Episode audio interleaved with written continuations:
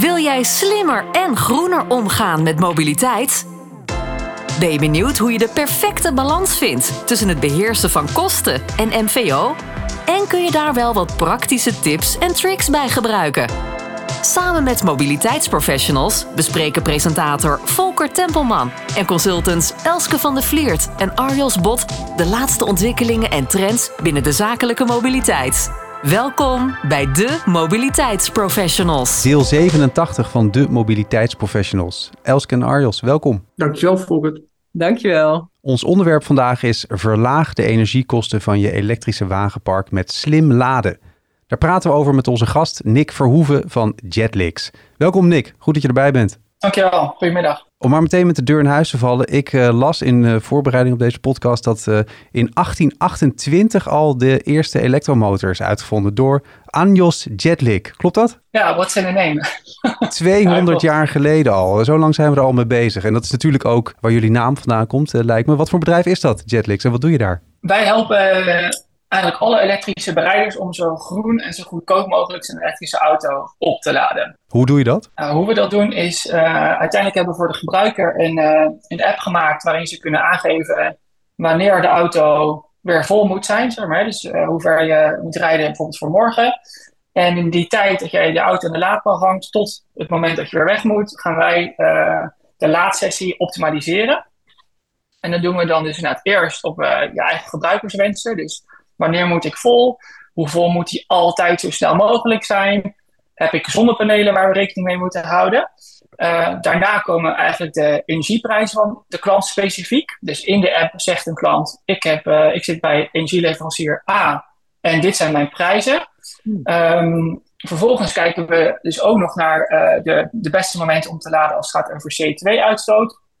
En kunnen we ook reageren op marktsignalen zoals een onbalanssignaal, waarin we heel veel gaan laden als er heel veel stroom op het net is. Nou, zo doen we dat. Ik wil toch eigenlijk een slagje dieper gaan, want dit klinkt natuurlijk, eh, dit is, dit is heel gaaf dat het kan. Maar bijvoorbeeld uh, CO2-uitstoot, daar hou je rekening mee bij het laden en ook bij, met zonnepanelen. Uh, om daar heel even nog op in te haken. Ik heb op mijn uh, huis uh, ook een paar zonnepanelen. Maar ik weet niet beter dan dat de zonne-energie die opgewekt wordt, of de energie die opgewekt door die zonnepanelen, dat die gewoon teruggeleverd wordt aan het net. En niet, ook al sta ik mijn auto te laden, in de auto gaan. Nou ja, kun je daar eens even wat over zeggen? Ja, zeker. Nou, op zich is verbruik van je, van je auto, dus via je laadpaal, dat is verbruik achter de meter. Hè? Dus, dus dat Mhm. is uh, verbruik wat door je zonnepaneel wordt opgewekt en eigenlijk niet eens het net opgaat als het wordt gevangen door je auto. Um, wat wij doen is wij vragen aan een gebruiker, goh, waar woon je? Zullen voorkomen we dat we gaan slim laden als je niet thuis bent. Dus we weten waar iemand woont en dan vragen we hoeveel heb je zonnepanelen? Zo ja, hoeveel heb je er? En vervolgens verwerken we die informatie in een datamodel waarin we dus de weervoorspellingen, dus eigenlijk de zonvoorspellingen, voor de komende tijd uh, uh, meenemen. En op basis daarvan maken we de beslissing of we bij wijze van spreken om 1 uur middags gaan laden of om 4 uur middags. Omdat er bij wijze van spreken om 4 uur meer zon kan zijn dan om 1 uur. En heb ik dan ook een laadpaal van jullie nodig? Nee. Nee, dus uh, dat, is, dat, is, een fijne vraag om te beantwoorden. wij zijn een SaaS-oplossing, hè? dus we ja? zijn alleen maar software, we hebben geen enkele vorm van hardware. En er zijn eigenlijk drie manieren waarop, uh, uh, waarop je kan slim laden met Jetlix. En dat is via de auto direct. Dus dat betekent dat wij een directe verbinding hebben met een auto. En die auto zegt dan, ik wil nu wel stroom of ik wil geen stroom. En dat zijn eigenlijk de enige twee commando's die we natuurlijk gebruiken. Daarvoor doen we dus integraties met verschillende automerken.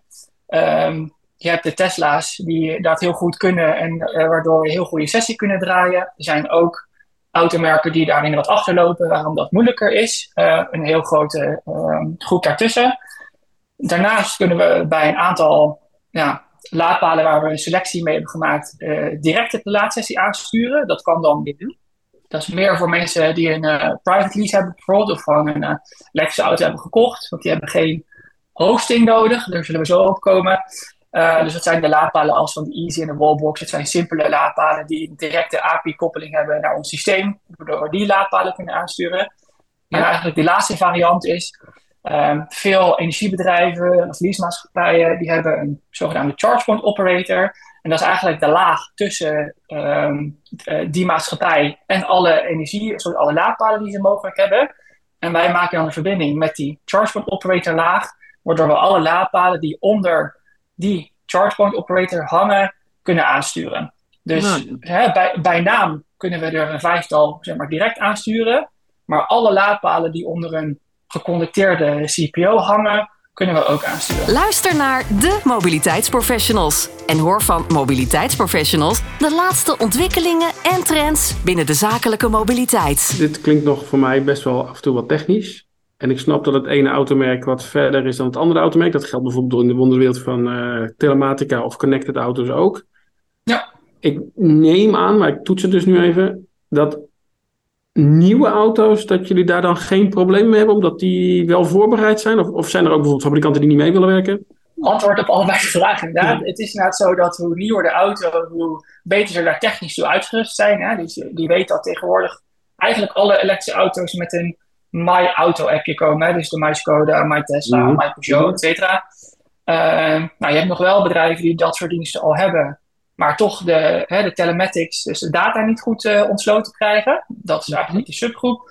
Eh, deel 3 heb je ook nog sorry, eh, automaatschappijen die een businessmodel van hun data willen maken. Eh, En dat is wat voor ons ook wel de integratie soms lastig maakt, omdat dan ja, die, die kosten matchen niet zeg maar, bij onze eh, behoeften. Betaal ik als gebruiker voor de app of voor jullie SaaS-oplossing? Of betaal ik als werkgever voor de SaaS-oplossing? Of allebei? Jetlix aan zich is een white label eh, leverancier. hè. We hebben de Ja. Jetlix app nu live in de App Stores en die kan iedere consument in Nederland gewoon gratis gebruiken en downloaden. Ja. Ehm, nou, wij werken voor meerdere energieleveranciers in Nederland, ook voor meerdere automerken in Nederland. En die hebben allemaal hun eigen white label app oplossing van Jetlix. Dus daar zal je aan de voorkant nooit van zien dat dat de app is gebouwd door Jetlix. Maar Ja. die hebben wij voor ze gemaakt en die stellen ze dan aan hun eigen klanten ter beschikking.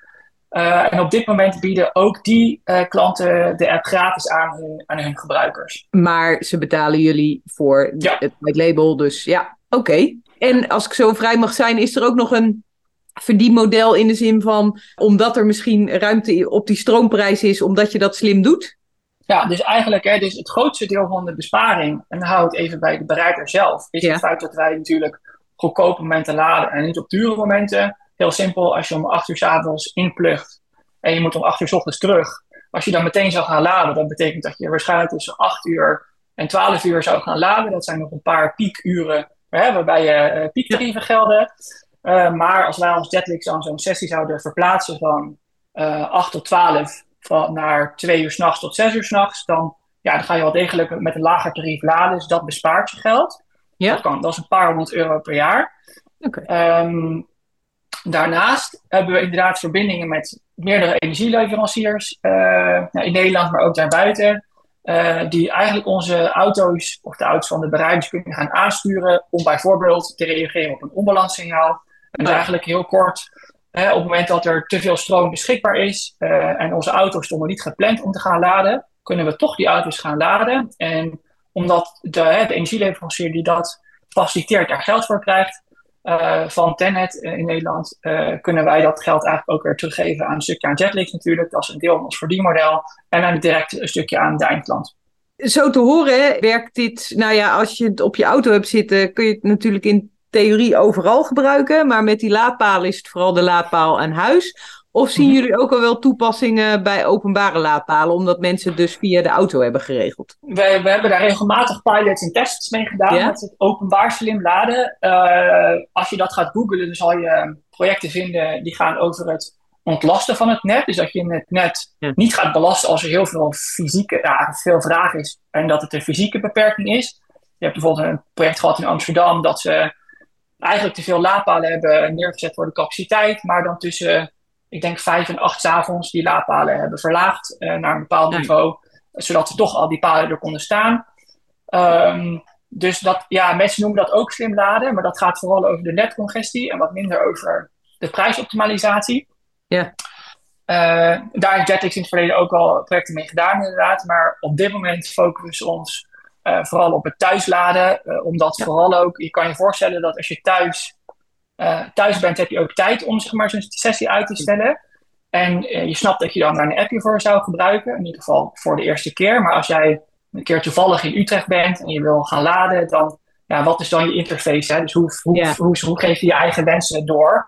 Dus dat zijn dus makkelijke vragen om te stellen, maar moeilijke om, uh, om te beantwoorden. De mobiliteitsprofessionals. Hoe kan ik hier dan als werkgever invulling aangeven? Want dit lijkt me, ja, het is vooral de bereider die het moet doen. Moet ik dan een grote communicatiecampagne opzetten? Ik denk dat er eigenlijk twee, twee sporen zijn. Hè? Dat, je hebt eigenlijk de, uh, ja, een beetje de carrot en de stick. Of uh, de, de zachte of de harde manier. Uh, je mag stellen, ik als werkgever betaal jouw auto. Dus het is eigenlijk mijn auto. En ik betaal ook nog eens jouw stroom. Yeah. Dus mijn regels. Nou, hè, dus dat betekent dat je een, een gebruiker gaat verplichten met een manier van slim laden om dus uiteindelijk de kosten voor de, uh, voor de werkgever te drukken. Mm-hmm. Heel spannende route, uh, want dat zou, en ik denk ook echt dat het zou kunnen. Uh, en de andere kant is toch, hè, van hoe maak je nou van die um, first mover elektrische rijder, hè, want dat zullen vast vaak de mensen zijn die al, al best wel lang elektrische auto rijden, ook een bewuste elektrische rijder. Want hè, we weten allemaal, elektrisch laden is heel goed, of elektrisch rijden zelfs, maar als je je, de stroom die je erin stopt ook nog eens groen gemaakt is, dan ga je wel de, de grootste uh, besparingssprong halen. En dat kan je mensen natuurlijk ook op een wat minder dwingende manier vertellen. Vertellen en verleiden? Vraagteken? Ja, nou ja, kijk, als je, je, zou natuurlijk, je zou kunnen zeggen, nou, als ik als werkgever vind dit zo belangrijk dat ik mensen uh, een incentive ga geven als ze dit project uh, volgen. En zeker in een, in een, in een pilotvorm zou je dat prima kunnen doen. En of je daar um, uh, wat voor incentive je dan ook aan wil geven, dat is natuurlijk aan een uh, werkgever zelf. Um, ik kan me voorstellen dat als je dit gaat uitproberen, dat je eerst uh, tien collega's pakt die gewoon intrinsiek gemotiveerd zijn op dit onderwerp. En dat je dat op die manier uittest om te leren over hoe je dat ook daarna groter kan uitrollen. Want hoe dan ook gaan hier best wel wat vragen over komen. Ja, heb je praktijkvoorbeelden van partijen met wie jullie werken, hoe zij dat aanpakken? Tot nu toe werken wij alleen maar met, uh, uh, met partijen die dat eigenlijk aan hun B2C-klant uh, ter beschikking stellen. Hè? Dus de energieleverancier die dat gratis ter beschikking stelt aan haar klanten. Um, en dus op dit moment hebben we nog geen directe ervaring met die schakel ertussen. Want hè, normaal gesproken is natuurlijk de besparing, die komt direct ten goede aan de persoon die het betaalt. En in dit voorbeeld heb je een klant of een bereider die gewend is om gewoon te laden, want dat kreeg hij toch al vergoed. Net als met zoals dat hij vroeger gewoon zijn tankkaart kreeg en altijd gewoon lekker bij de Shell kon gaan tanken. Waar, hè, en je hooguit als bedrijf kon zeggen, goh, leuk die air miles, maar ga alsjeblieft even naar de voordeelshop om de hoek, want dat is toch echt goedkoper tanken en op onze totale vloot scheelt dat heel veel geld. Um, wordt dat nu voor elektrisch voer ook steeds belangrijker. Je wil gewoon meer controle krijgen over die laadkosten. Uh, dus dan zou je best eens een keer vragen kunnen stellen van, goh, we hebben hier een oplossing waarmee we de laadkosten significant kunnen gaan verlagen. Daarnaast ook de CO2-uitstoot van jouw laadsessie. Wij vinden dat allebei heel belangrijk als bedrijf zijnde. Dit is een oplossing, laten we daarmee aan de slag gaan. Ik denk zeker trouwens ook voor dat laatste, die CO2-uitstoot. Grotere, maar misschien ook kleinere werkgevers, eerst een elektrische auto en dan is inderdaad die groene stroom die er eigenlijk dan liefst ingaat, waarbij er geen invloed is op het energiecontract bij die bereider thuis. Dat ja. wordt wel steeds relevanter, ook met die uh, wetgeving. Het ja. totaalplaatje, ook de, de, de, de CO2-uitstoot gelinkt aan de productie en de recycling van elektrische auto's. Dus het wordt steeds belangrijker. Dus daar heb je wel echt een punt volgens mij. Ja, nou ja, dank. Dat herkennen we natuurlijk zelf ook. En uh, binnenkort heb ik een uh, presentatie bij een congres in Berlijn, waar ook hè, de autofabrikanten claimen dit ook. Hè, zeg maar je, de totale lifetime CO2-uitstoot van een benzineauto is heel erg hoog, maar dat komt vooral over de gebruiksfase, hè, dus het verbranden van fossiele brandstoffen. Um, en de grote winst zit voor een elektrische auto zit in de switch van zeg maar, de EU-stroom, dus de energiemix van Europa, versus de ja, bijna nul CO2-uitstoot van groen opgeladen auto's. En ja, die gap eigenlijk, hè, want hoe doe je dat dan? Dat is wat wij proberen op te lossen. Want dit is dus wel voor mensen die niet per se een groene stroomcontract hebben, want die zitten goed toch qua CO2-uitstoot? Ja, nou god, uh, om, om maar die discussie even heel kort te houden, is natuurlijk ja? het verschil tussen de, hè, Ja, kijk, je kan natuurlijk zeggen van ik heb uh, mijn CO2 uh, afgekocht omdat ik groene stroom heb van een energieleverancier. klopt in een hele letterlijke zin. Maar eigenlijk wil je natuurlijk ook gewoon zoveel mogelijk groene stroom gebruiken als het beschikbaar is. Hè. Dat gaat over de tijdigheid van groene energie.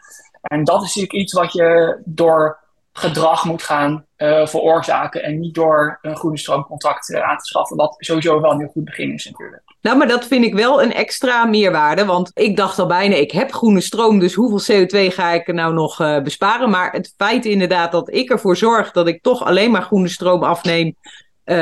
Dat ik echt alleen maar groene stroom afneem. Dat is wel meerwaarde voor de mensen die daar bewust mee bezig zijn. Ja. Ja, ja, nou dan om het nog even aan te vullen, hè, dat gaat dus over het gebruiken als het er is. Uh, je hebt natuurlijk ook momenten die ik eigenlijk net omschreef, rond een uur of acht uur s'avonds. Dan zie je een enorme piek in het verbruik over heel Nederland. Want mensen komen dan thuis, die gaan koken, tv kijken.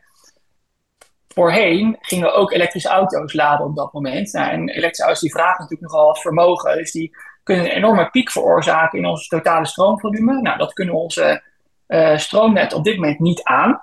Dus als je daar niks mee doet, dan wordt dat over een paar jaar een heel erg groot probleem. En dan moet je letterlijk de kabels uit de grond opgraven en verzwaren. Maar omdat die auto's de eigenschap hebben om die sessies te gaan verplaatsen op het moment dat er minder druk is op het fysieke energienetwerk, kunnen we ook uiteindelijk een deel van de oplossing vormen. Dus door, door al dat soort sessies te gaan verschuiven. Wil jij slimmer en groener omgaan met mobiliteit? Luister dan naar de mobiliteitsprofessionals en ontdek de laatste ontwikkelingen en trends binnen de zakelijke mobiliteit. Ik heb een hele praktische vraag. Uh, ik heb een uh, app voor mijn thermostaat. Daar heb ik een, een basis in zitten. En als ik dan denk, oh nee, ik moet toch even anders, dan pas ik het snel aan.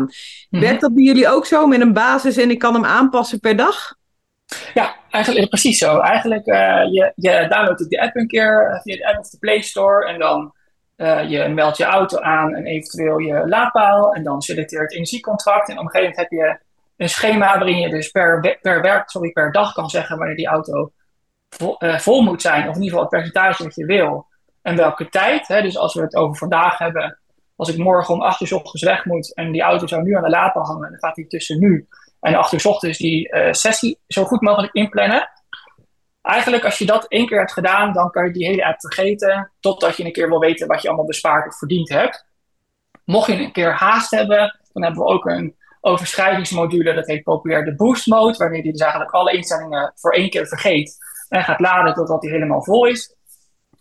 Heb je een uh, aanpassing in je weekschema, omdat je toevallig uh, de komende woensdagen dingen anders gaat doen, dan kan je dat ook zo aanpassen. Dus inderdaad hetzelfde als uh, je slimme thermostaat dit gaat misschien al in detail hoor, maar ik bijvoorbeeld bij een dynamisch contract heb je wisselende tarieven per binnen een dag.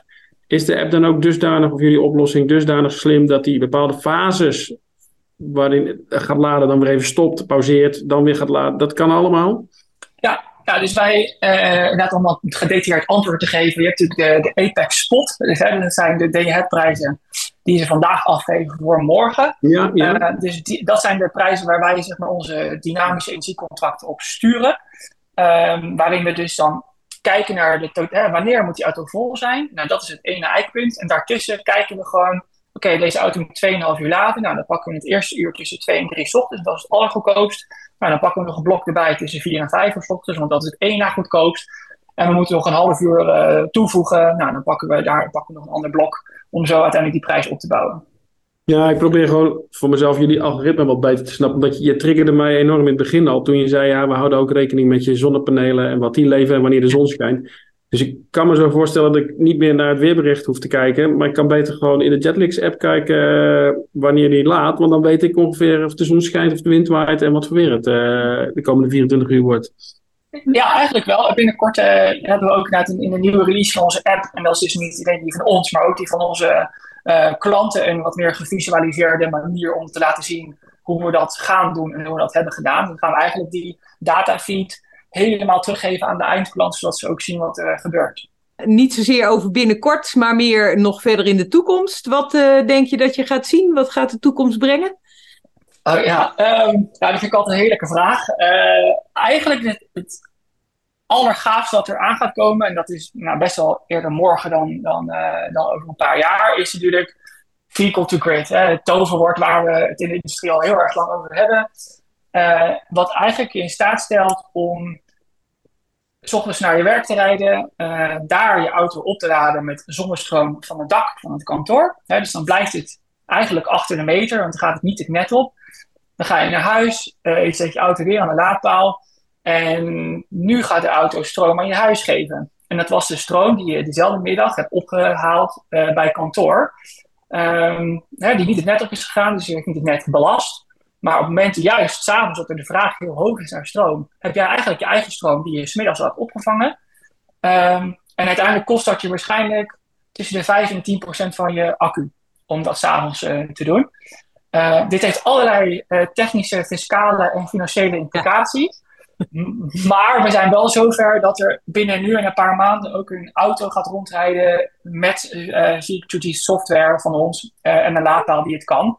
Uh, dus daar word ik wel erg enthousiast over. Ja? Dat klinkt toch ook wel gaaf. En hier moeten netbeheerders ook erg heel gelukkig van worden, toch? Ultimo zeker. Ja. ja, en werkgevers moeten eens nadenken over of ze dan inderdaad die stroom mee willen geven voor het stofzuigen thuis. Maar dat is een ja. goed idee, beste werkgever, zou ik maar willen zeggen. Ja, precies. We lopen tegen het eind van de podcast. Uh, Nick, tot slot, wat is jouw belangrijkste tip die je onze luisteraar mee wil geven als we het hierover hebben? Uh, nou, die werd me toevallig al bevraagd, denk ik, in het begin van de, uh, van de uitzending. Maar uh, ik zou toch willen kiezen voor de, uh, voor de wortel in plaats van de stok. En dat betekent ja. dat je dus eigenlijk met je, met je bereiders in gesprek gaat van... Goh, we hebben nu met z'n allen de eerste fase van het verduurzamen van mobiliteit hebben we gehaald. We zijn al mas elektrisch gaan rijden. Hoe gaan we nou die volgende stap zetten om dat nog beter te gaan doen? Dat is eigenlijk de tip. Dit was hem, deel 87 van de Mobiliteitsprofessionals. De gast was Nick Verhoeven van Jetlix. Nick, dankjewel. Graag gedaan.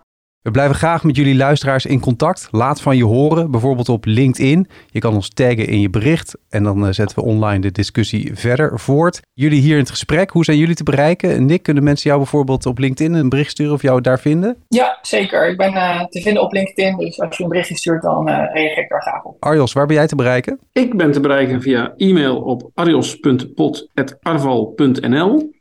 En uh, uiteraard ook op LinkedIn onder mijn eigen naam. Uh, al je suggesties voor andere gasten of andere thema's voor uh, deze podcast. We horen heel graag van je. Duidelijk. Elske, tot slot, waar ben jij te bereiken? Via de mail op van de Vliert apenstaartje zero-e.nl en natuurlijk op LinkedIn. Iedereen bedankt voor het luisteren. Je kan de podcast van de Mobiliteitsprofessionals terugvinden op de website demobiliteitsprofessionals.nl. En natuurlijk in je eigen favoriete podcast app. Bedankt voor het luisteren naar de Mobiliteitsprofessionals. Volgende keer zijn we er weer met een andere gast en nog meer relevante ontwikkelingen en tips rondom zakelijke mobiliteit. Tot dan!